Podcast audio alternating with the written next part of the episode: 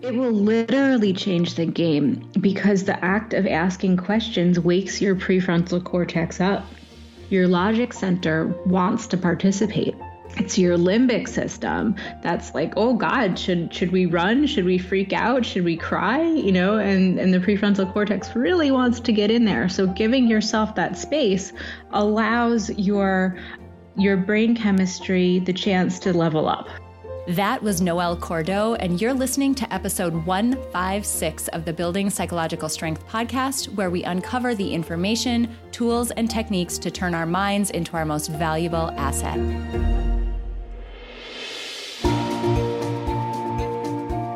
The courage to face fears with persistence. Being able to be present enough in this moment to choose my response thoughtfully. We have the strength to bend to life stressors, to bend to adversity without snapping, without breaking. There are only six things that contribute to our quality of life, and they are all experiences. In every moment, we are deciding who we want to be and how we want to live our lives. Noticing what your brain is doing and then being able to make choices mobilize the things that we know lift us up. Fear is not logical, it's primal. Oh, welcome back to the podcast, friends. Oh my gosh, it is mid January. I don't know what that means for you, but for me, this means a return to some balance and to some normalcy, into a little bit more of a schedule after a hectic holiday season, um, which was amazing and joyful, but also uh, after. I've indulged a little bit after I've allowed myself uh, more space than I typically do it's nice to get back to having a little bit more structure in my day. So, welcome back after that season. And as you're getting into things this month, um, I want to thank you for coming back here. You know, we all have a lot of goals and a lot of ideas for what we want the year to look like and how we want to show up in our lives. And continuously doing the work of self reflection and increasing our self awareness and learning about tools and techniques and information that can help you do that is so valuable. And that's exactly what we're trying to do here on the podcast. So I am so thrilled that you're here and back with me on this episode. It's going to be a great one. And to dive into today's topic, I actually want to share a review from Sue Hawks, who left us this review on iTunes. And I want to share it because it's so relevant to what we're going to be talking about today. She says April is authentic, tells the truth, and offers wisdom and inspiration for all leaders. It's a little foreshadowing there. She's the real deal. She and her guests leave you better for your time spent. Don't hesitate, download now. I'm loving that review because, again, it's really highlighting what we're going to be focusing on within this episode today. We're taking a very big focus on leadership and the way that psychological strength plays in. And it's a very broad definition of leadership. So think about any position that you are in, whether it is within your company, that's probably the easiest one in your relationships with other people, uh, as a parent, as a friend, it doesn't matter. If you're ever in a position where you are feeling like you need to direct the flow of how things are going or help another person get to a good resolution, wow, is this episode for you? So, today in this episode, we are going to be talking about so many of the topics that I absolutely love. We're going to be talking brain science, we're going to be talking psych strength, obviously.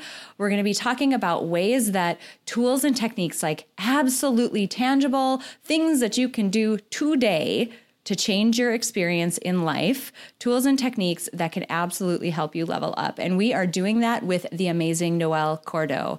Noelle is CEO and co founder of a company called Journey. Journey is, think of it as an army of qualified, educated, and informed coaching practitioners. And I use those words specifically because we're going to get into an amazing conversation with Noelle about the field of coaching today it has absolutely exploded. And in some ways that is amazing. Anytime people can get access to more resources to help them live a better life to help them achieve their goals better that is always amazing. But there's also kind of a shadow side to it and that is, there are so many people who are out there um, with the label of coach on them that it can be hard to wade through all of them and find somebody who's going to be able to actually help you achieve your goals. And so Today, we're talking with Noelle about the field of coaching, how it can help you be a better leader, and specifically the way that she combines the field of applied positive psychology. Yay! We talk about Martin Seligman. So excited. Uh, the field of positive psychology with the field of coaching and how that helps people make meaningful, huge shifts in their life. Just as a bit of background, Noelle's a true expert. She's got a background in executive, she's got a graduate certif- certificate in executive and professional coaching.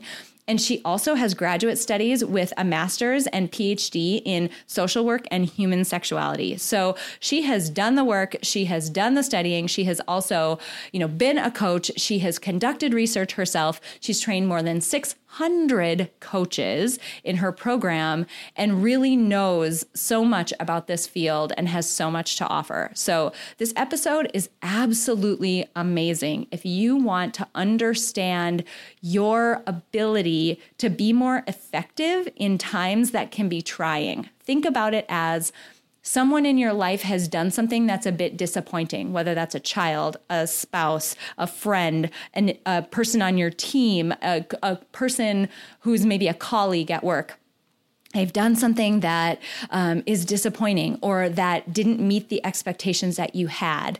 Um, it could cause you to be angry in some cases, especially if there are big implications. How do you handle that? In a better way. And better, I mean in a more calm and serene way, but also in a way that leads to a better, more effective outcome. Holy cow, is this episode amazing! And I absolutely cannot wait for you to dive in. So um, let's do that. Let's meet Noelle and let's learn a bit more about how the field of coaching and how the field of applied positive psychology can help us make meaningful uh, moves forward in our lives. Can't wait for you to hear it. Noelle, I am so excited to have you on this episode of the podcast. I know we're going to have a really valuable conversation for the folks who are listening. So thanks for being here. Oh, absolutely my pleasure. I'm delighted. I'm really excited to talk to you because you have expertise in an area. Sometimes it's fun to talk to people because they have expertise in a niche area that people haven't heard of. In your case, you have expertise and training in an area that people are hearing a lot about these days, but um, there might be some misconceptions with it. So I'm pumped to dive in to your work in the field of coaching. Can you tell me a little bit about um, what you do in the field and how you got into it? Yes, absolutely. So, um, my my work is centered around my company which is journey coaching and i'm a coach trainer. I'm also a coach practitioner. I'm a scientific coach practitioner and i'm an informed coach practitioner. And those are super important definitions that i'm sure we'll get into in a little while. But the reason that i got interested in the field of coaching was i start well backing way up, I suffered from depression and eating disorders at a young age and really um, have been a grateful veteran of therapy. I've been to wonderful therapists, I've had awesome experiences.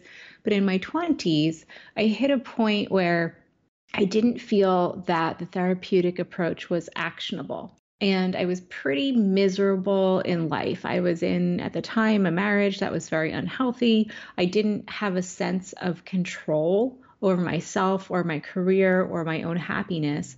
And I stumbled upon the work of Martin Seligman talking about learned helplessness and applied positive psychology. And it was beyond changing for me. So much so that I went back to graduate school for a certification in executive coaching through a master's in organizational development. And that's really where I got my start. The applied positive psychology classes that I took in graduate school lit my brain on fire. And it's been my life's mission to carry this work out into the world. I love that. Anytime we get to bring up Seligman, uh, for folks who are listening and might not be familiar with him, he wrote a book called Flourish. We'll link some of his books in the show notes.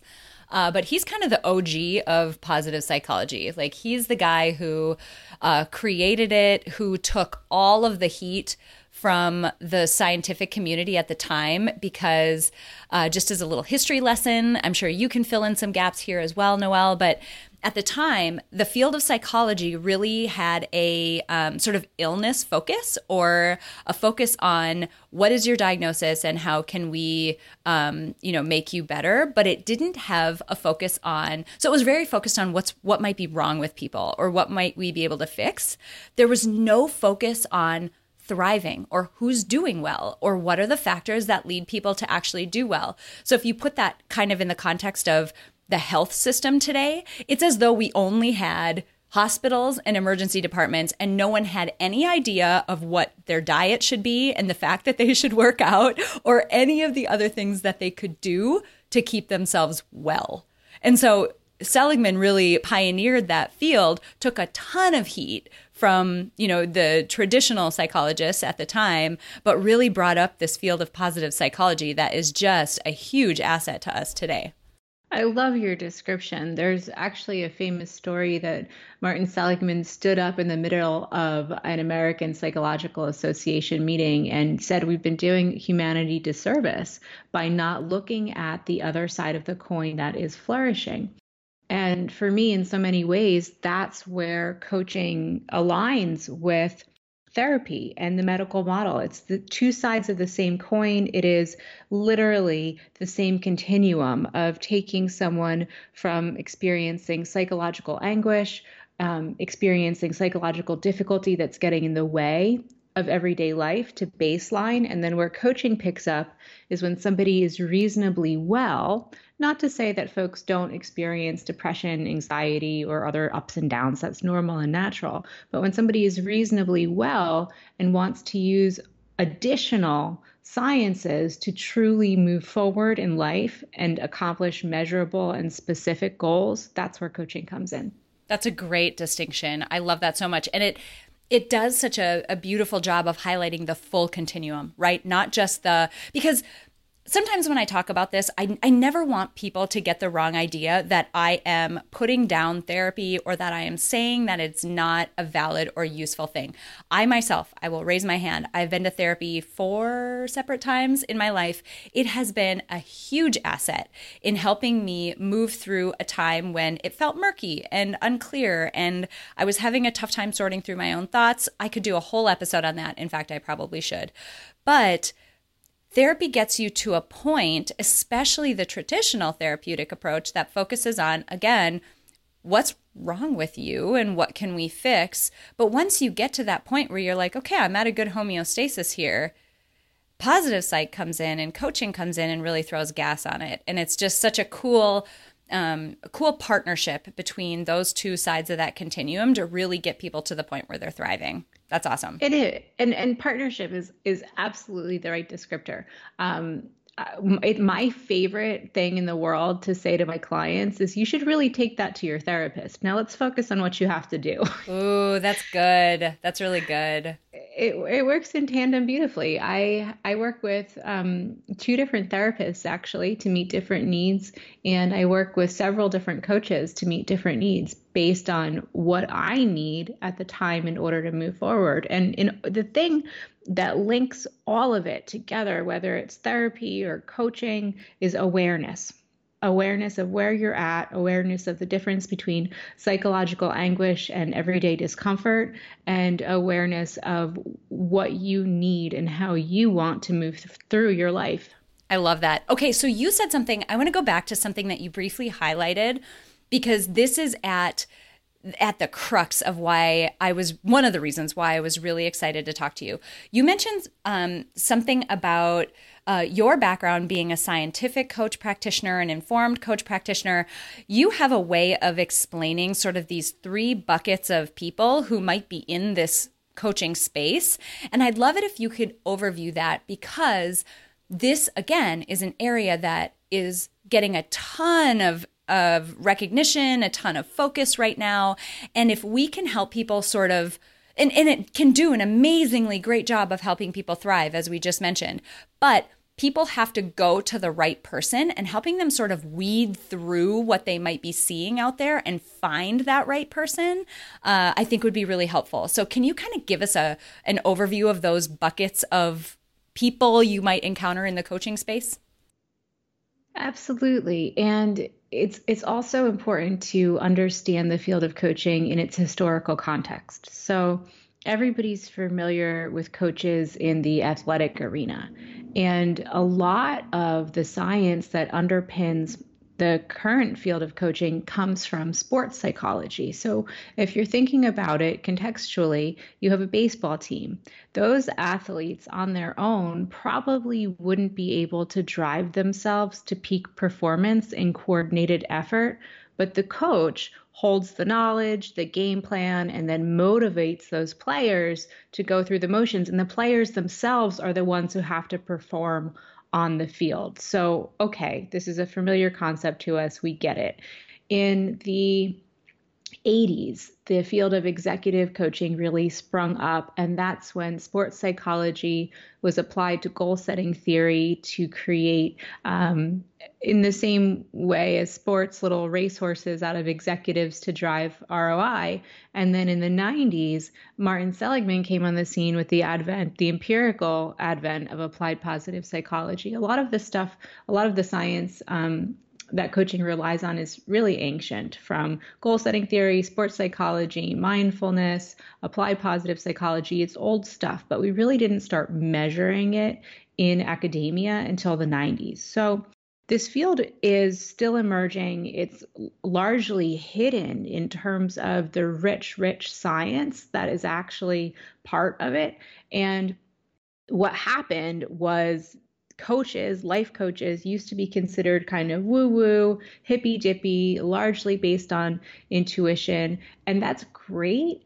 But there was a genre of pop psychology practitioners that really started to spring up. And these are folks um, who have great things to say, who do a lot of good work in the field with motivating and inspiring people, but it's all based on cult of personality. And so, really, when you have a coach practitioner that's a pop psychology practitioner and you're out there looking at this person, you're admiring them, you're admiring their life, but there's no guarantee that their model of operating is going to suit you and your life. So, the term informed coach practitioner was coined as an answer to the pop psychology phenomenon. So, an informed coach practitioner is somebody who studies the science, who studies evidence based technique, who uses science based, evidence backed um, theory, intervention, and framework to move someone through change stages, stages, motivation, and grit. And then a scientific coach practitioner is somebody who does the research, quantifies the evidence, and publishes. That's a really great distinction. Uh, and I, I wanted you to give that overview because, again, if you go out there, I mean, go, if you go to a simple Google search, right, and you Google life coach and put your city in, you're going to come up with a lot of people, and it can be tough to figure out how to wade through. Um, who those folks are and who might be able to help you. And it's not to say that somebody who has um, incredible personal experience or whatever could not be an effective coach, but you're going to have a probably a better hit rate with finding somebody who can help you if they're in one of those categories of a scientific coach practitioner or an informed coach practitioner where they're following a model that has been shown to really help people make big gains. Otherwise, you might be working with someone who um, is is kind of winging it, and that's again, that's not they're not doing necessarily any harm, but if you think about the gains that you could make from somebody who's taking you down a path that has been shown to lead people in the right direction, you're just going to have a better experience from it. So I you know, I always encourage people to ask the hard questions. This is your life. These are your goals. They deserve to have somebody supporting them who can get you there, who's going to be effective. So what training do you have? What certifications do you have? Do you have testimonials and references from people who you've worked with, who you've been able to show um, have you've been able to help them reach their goals? What, you know, scientific model are you following? What, um, you know, particular practitioners have you studied? You could ask questions like that so that you get a better understanding of whether that person is really um, credentialed and is going to be effective for you versus somebody who might just be really nice or be really inspirational or be someone who um, you look up to, but maybe can't help you make the big gains that you know you're really hoping to make by going to see a coach. Yeah, it's really similar to shopping for a therapist or honestly even dating. Not everybody's a good fit for everybody. And so, you know, when you're looking for a coach, it really comes down to what specifically do you want to accomplish? When I train my coaches, we train in generalist theory, but that's not how marketing works and that's not how a consumer works. So when someone's looking for a coach, there's typically a really specific pain point. There's something really specific that they want to accomplish or move through. So it's okay to work with different coaches on different things for short periods of time. The entire point of the profession is to accomplish specific and measurable goals. So at the outset, one of the things that I always ask my clients is how will we know when our work is done? That's a really effective question for people. I mean that I mean that and that's something to keep in mind as you're looking for a coach or even a therapist. What is the meaningful, tangible outcome that you're hoping to get to? And maybe that's what you spend your first session with that person figuring out, but that should be there so that everybody's working toward the same direction. I love that. Um, something that I'd love to, you were mentioning, you know, coaching in specific areas, it's actually a great segue into an area I wanted to probe you on a bit, and that's uh, within the realm of leadership. There's a lot of executive coaching out there, there's a lot of um, folks who can help you in a leadership position. And I know that the field of positive psychology is a huge support to helping somebody be a better and more effective leader. Um, I'm hoping we can turn there and talk a little bit about how the field of coaching applies to people who might be in leadership positions. And for folks who are listening, I'm defining that very broadly. So this could be within your career or within your particular organization or your company. Um, this could be as a leadership role within a volunteer volunteer space or maybe you know a religious organization that you're a part of or even just within your own own household and running all of the things that need to be run within a household. So think very broadly but how does all of this apply to people within leadership positions? Uh, it's a it's a really wonderful area to be discussing. So thank you for taking us there. The I'm kind of an anomaly. I am a CEO, I'm a business leader. I have zero business training whatsoever. So I have used all of the tenets from executive coaching and applied positive psychology to run my own shop. And I've had a lot of folks very steeped in the world of business say, well, you know, this isn't really business theory. This isn't really business technique. And I say, yes, but it is so effective. Let's talk about it. Um, so, what, where I like to start with this conversation is the concept of empathy mapping. And empathy mapping is a way of taking a step back out of your own head, out of your own ego, and seeking to understand and get information from the individuals around you so that you can help those individuals reach your desired outcome in a positive way while reducing the nervous system impact and cortisol impact that comes from a stress response. You kind of hit on a couple sides of the coin. I'm wondering if we can dive in there a little bit because we talk a lot and i'm like i'm jumping up and down over here. I'm really excited. We talk a lot about the connection between our physical bodies and our psychological well-being and our effectiveness as we move through life and in our careers and relationships and you're hitting right on it right? With this empathy yeah. mapping and this cortisol yeah. response. Let's just like keep digging there because it really highlights the connection point between physical and mental health that gets separated in our minds so often Yes. So so you know, there there our bodies are really complex, but for our purposes today, I would really want to hone in on just our nervous system response versus our endocrine system response. So our nervous system response a lot of times when there's a problem has to do with our fight or flight response which is negativity bias our brains are just naturally attuned to focus on that which is negative so that your nervous system can kick in and you can hopefully either fight or physically outrun the problem in front of you.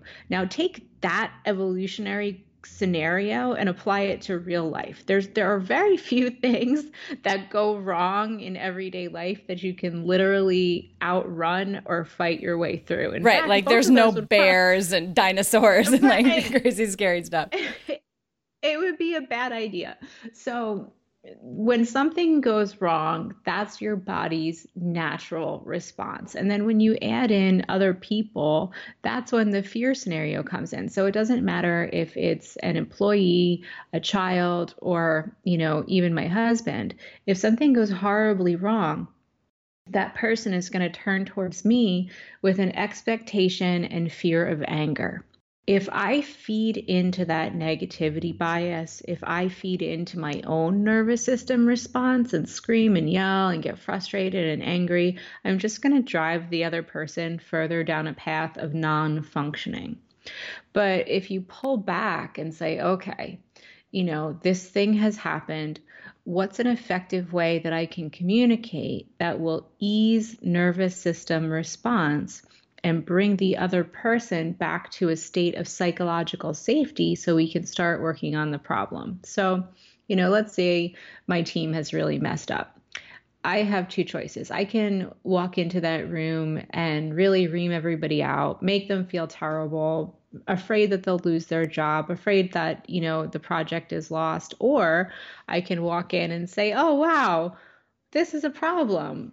That wasn't what I expected to happen but this is what's happened. Who can walk me through uh, the difference between what I expected to happen and where we are now? And maybe we can all sit down together and start to problem solve. Mm. It's kind of, this is reminding me of something that you said earlier around, um, around awareness. So in that moment, something goes wrong. We are all human, right? We're all having our own responses to things, uh, our own knee jerk responses to things.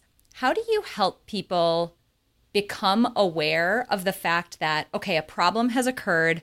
I myself, the leader, I'm having an, a near automatic response that might not be the most effective one in that moment. So, therefore, I need to make a different choice. How do you help people sort of slow down in that moment and recognize because we can go on autopilot so quickly in those moments.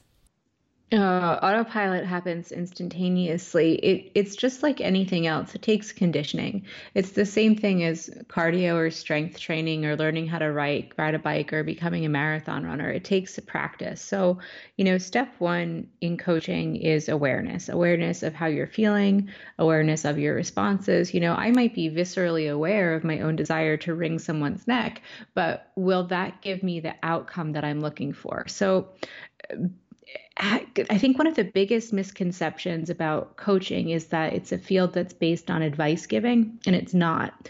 What it is, is a very rich communication methodology that gives people templates for moving forward towards outcomes that they want in nonviolent ways. So from the empathy mapping perspective, you're you're getting in somebody else's head. And instead of thinking about yourself and your own feelings, you're thinking about that individual. What do they see?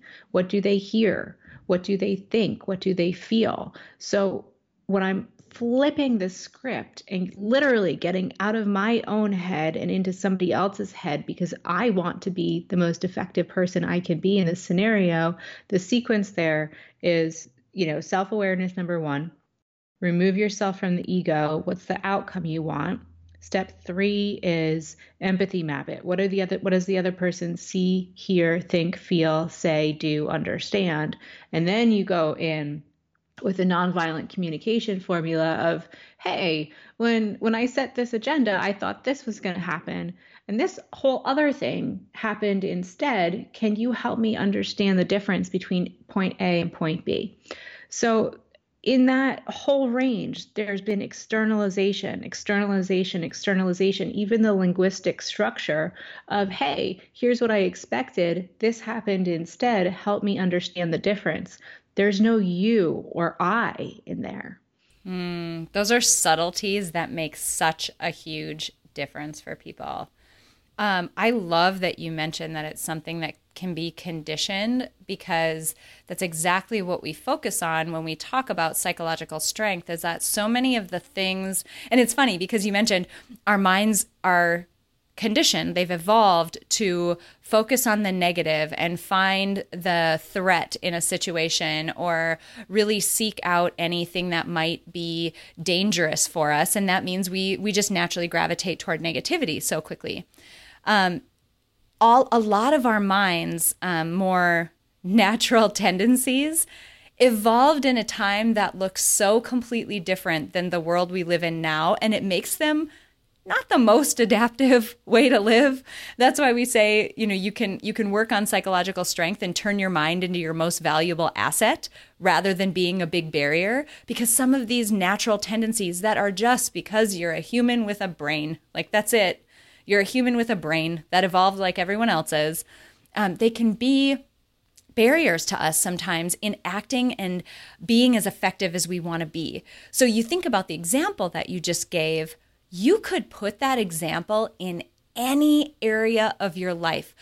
Working with a small child, my four year old is popping into my mind right now when she does something that, you know, can be infuriating. How do we set up a situation that's more effective why, where you know you as a parent don't turn into a crazy person who's like yelling and screaming or in your romantic relationship how can you use the same approach or again in your company or in your job, how can you use this same approach? So um, it's so uh, it's just so universal and so universally applicable to people just because we do have these tendencies and our minds operate in a way again that doesn't set us up for success necessarily um, in the world that we live in today yeah, you're, you're spot on. And I can pull the wool back a little bit further. One of the most important pieces of information um, that I picked up learning about coaching and brain function is your prefrontal cortex, the,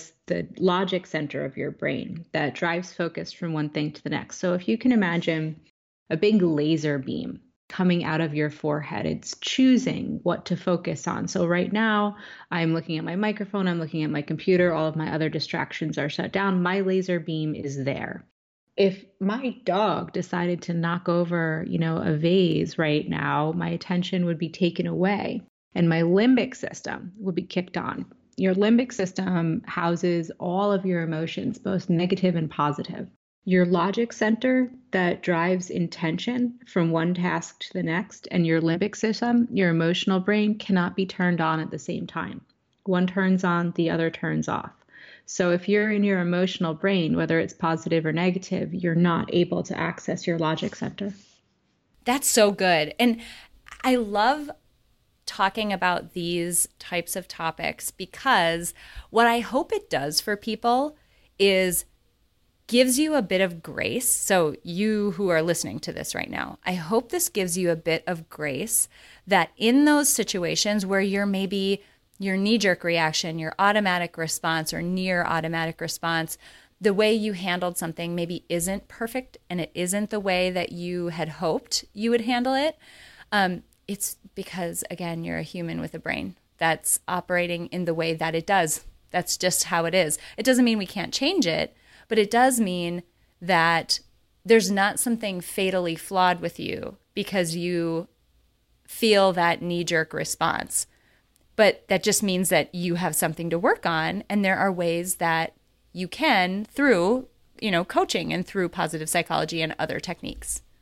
Yeah, and, and I hear from my students a lot, you know, how can we do this? You know, you're so versed in neurobiology, that's your background, you know, how can we break this down? So, you know, really what it comes down to when we're talking about the prefrontal cortex and the limbic system, the coaching question that I like to ask is is that a feeling or a fact? Mm. And they can be tough to describe, tough to distinguish too. It's it's it really can be, but really getting a handle and starting to break down um, the difference between the two can be absolutely changing because we get so stuck in our heads, whether it's your personal relationship or your professional relationships, this concept, this idea, this feeling of dread or shame or worry or, you know, whatever it is, is that a feeling? Or are there actual facts that you can share to back yourself up, to tell me that this is actually true? And a lot of times the facts tend to fall in the arena of everything's just fine. Hmm.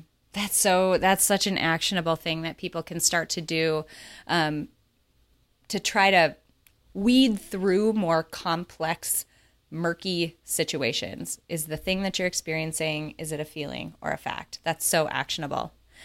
As we're kind of winding down, I'm wondering if you can um, stay on that track. Are there other actionable tips that you can offer because you've got such a huge expertise in um, such a valuable area. Are there other actionable tips that you can offer people that can help them um, be more effective and i'm going to leave that wide open because uh, again we we started this part of the conversation focused on leadership but it really does apply in all areas of our lives. So what other actionable things can you offer for people? Yeah, so so sticking with leadership for a minute, I think probably the question that I ask the most, and and this is actually a really interesting point to highlight, notice that when I've gone through all of the different ways that I enact leadership through coaching, it's all question based. I'm never giving directives. I'm asking people questions. So that puts them in the driver's seat and takes away um, my capacity to trip their nervous system up. So if one of my team members or my friends is having a really hard time, I'll often say, What's the outcome that you're looking for? And that simple consideration is something that can direct a lot of different levels of awareness in in what you really need, what you really want, and where you really want to go. Um, from an applied positive psychology perspective, there are tons of great interventions that can break you out of a panic st- state, break you out of a bad mood. One of them is 15 minutes of cardiovascular exercise. Another one is um, journaling. Stop, dot, stop, drop, and journal for 15 minutes about a positive future. Another one is assessing is this something that you want to give your time and energy to right now? Because emotions take the shape of waves. They set, they peak, and then if you don't catch them, that's when you go into a negativity spiral. That's when you start to ruminate. But if you can catch, assess, and appraise the emotion, will this matter in one year from now? Is this something that I want to spend significant time and energy on? Do I want my mind to get to a ruminating place? Is it that important? And so, uh, you know, in all of this, it's the act of taking a step back and forcing some level of awareness combined with analysis of your actual situation. That's so powerful. I mean, I'm I'm madly typing over here to write down these questions that are so reflective for people that could cause such a an increase in self awareness? Is that a factor of feeling? What's the outcome you're looking for? Is it something you want to give your time and energy to right now? Will it matter a year from now? Those are so powerful. And if you can get yourself into the into the habit of stopping for a moment and asking yourselves those powerful questions, it can really change the game in terms of how you uh, react in situations that could be really tough, frankly. It- it will literally change the game because the act of asking questions wakes your prefrontal cortex up. Your logic center wants to participate. It's your limbic system that's like, oh God, should should we run? Should we freak out? Should we cry? You know, and and the prefrontal cortex really wants to get in there. So giving yourself that space allows your um, your brain chemistry the chance to level up. So good. That's so good.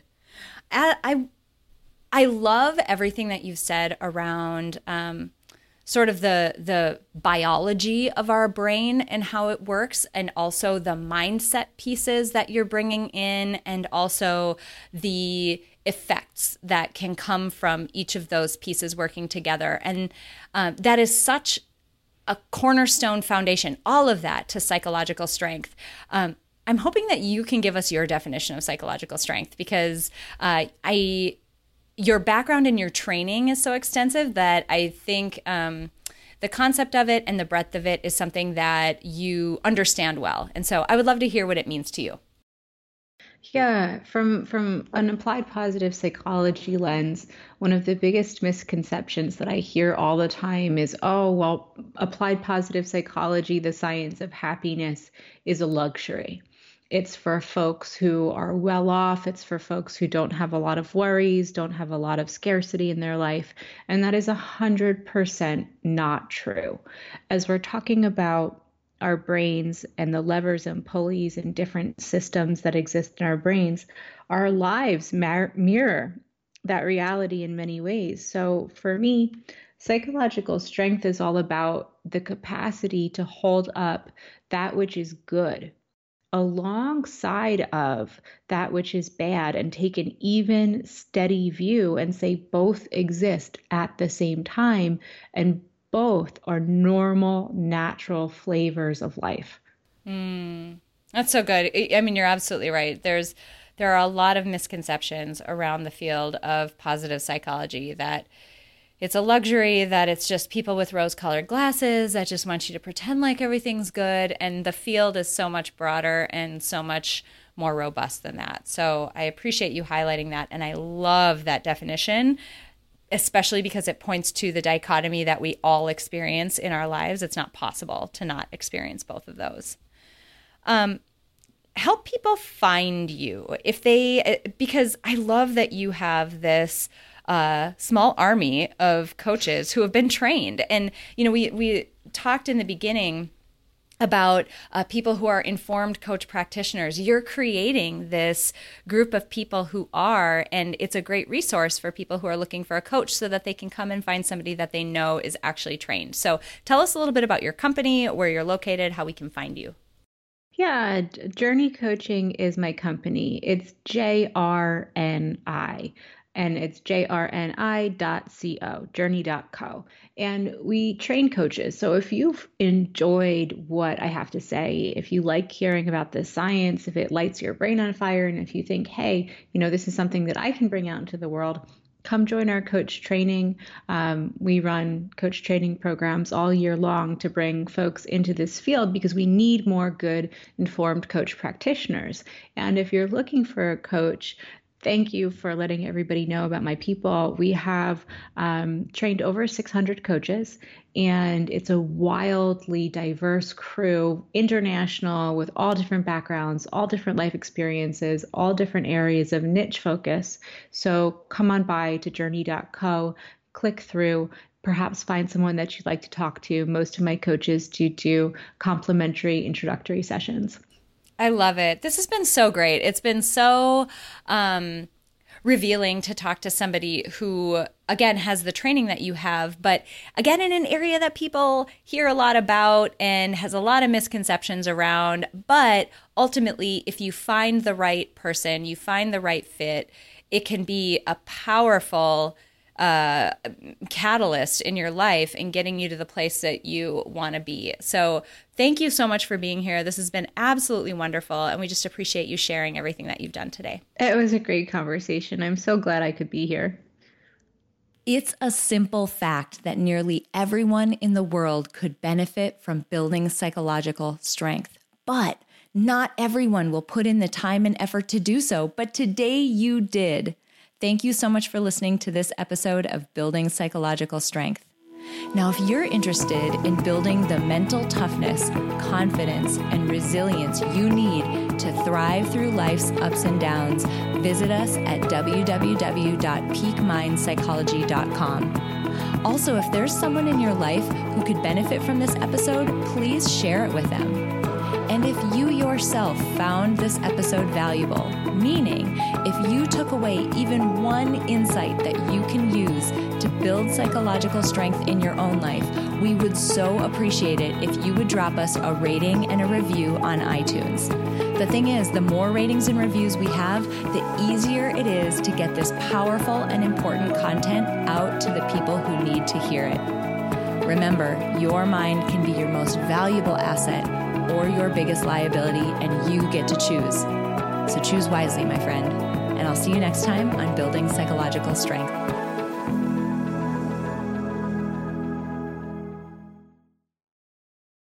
At Parker, our purpose is simple. We want to make the world a better place by working more efficiently, by using more sustainable practices, by developing better technologies. We keep moving forward. With each new idea, innovation, and partnership, we're one step closer to fulfilling our purpose every single day. To find out more, visit parker.com/purpose. Parker, engineering your success. Everybody in your crew identifies as either Big Mac burger, McNuggets, or McCrispy sandwich, but you're the Filet-O-Fish sandwich all day. That crispy fish, that savory tartar sauce, that melty cheese, that pillowy bun? Yeah, you get it every time. And if you love the Filet-O-Fish, right now you can catch two of the classics you love for just $6. Limited time only. Price and participation may vary. Cannot be combined with any other offer. Single item at regular price. Ba da ba ba ba.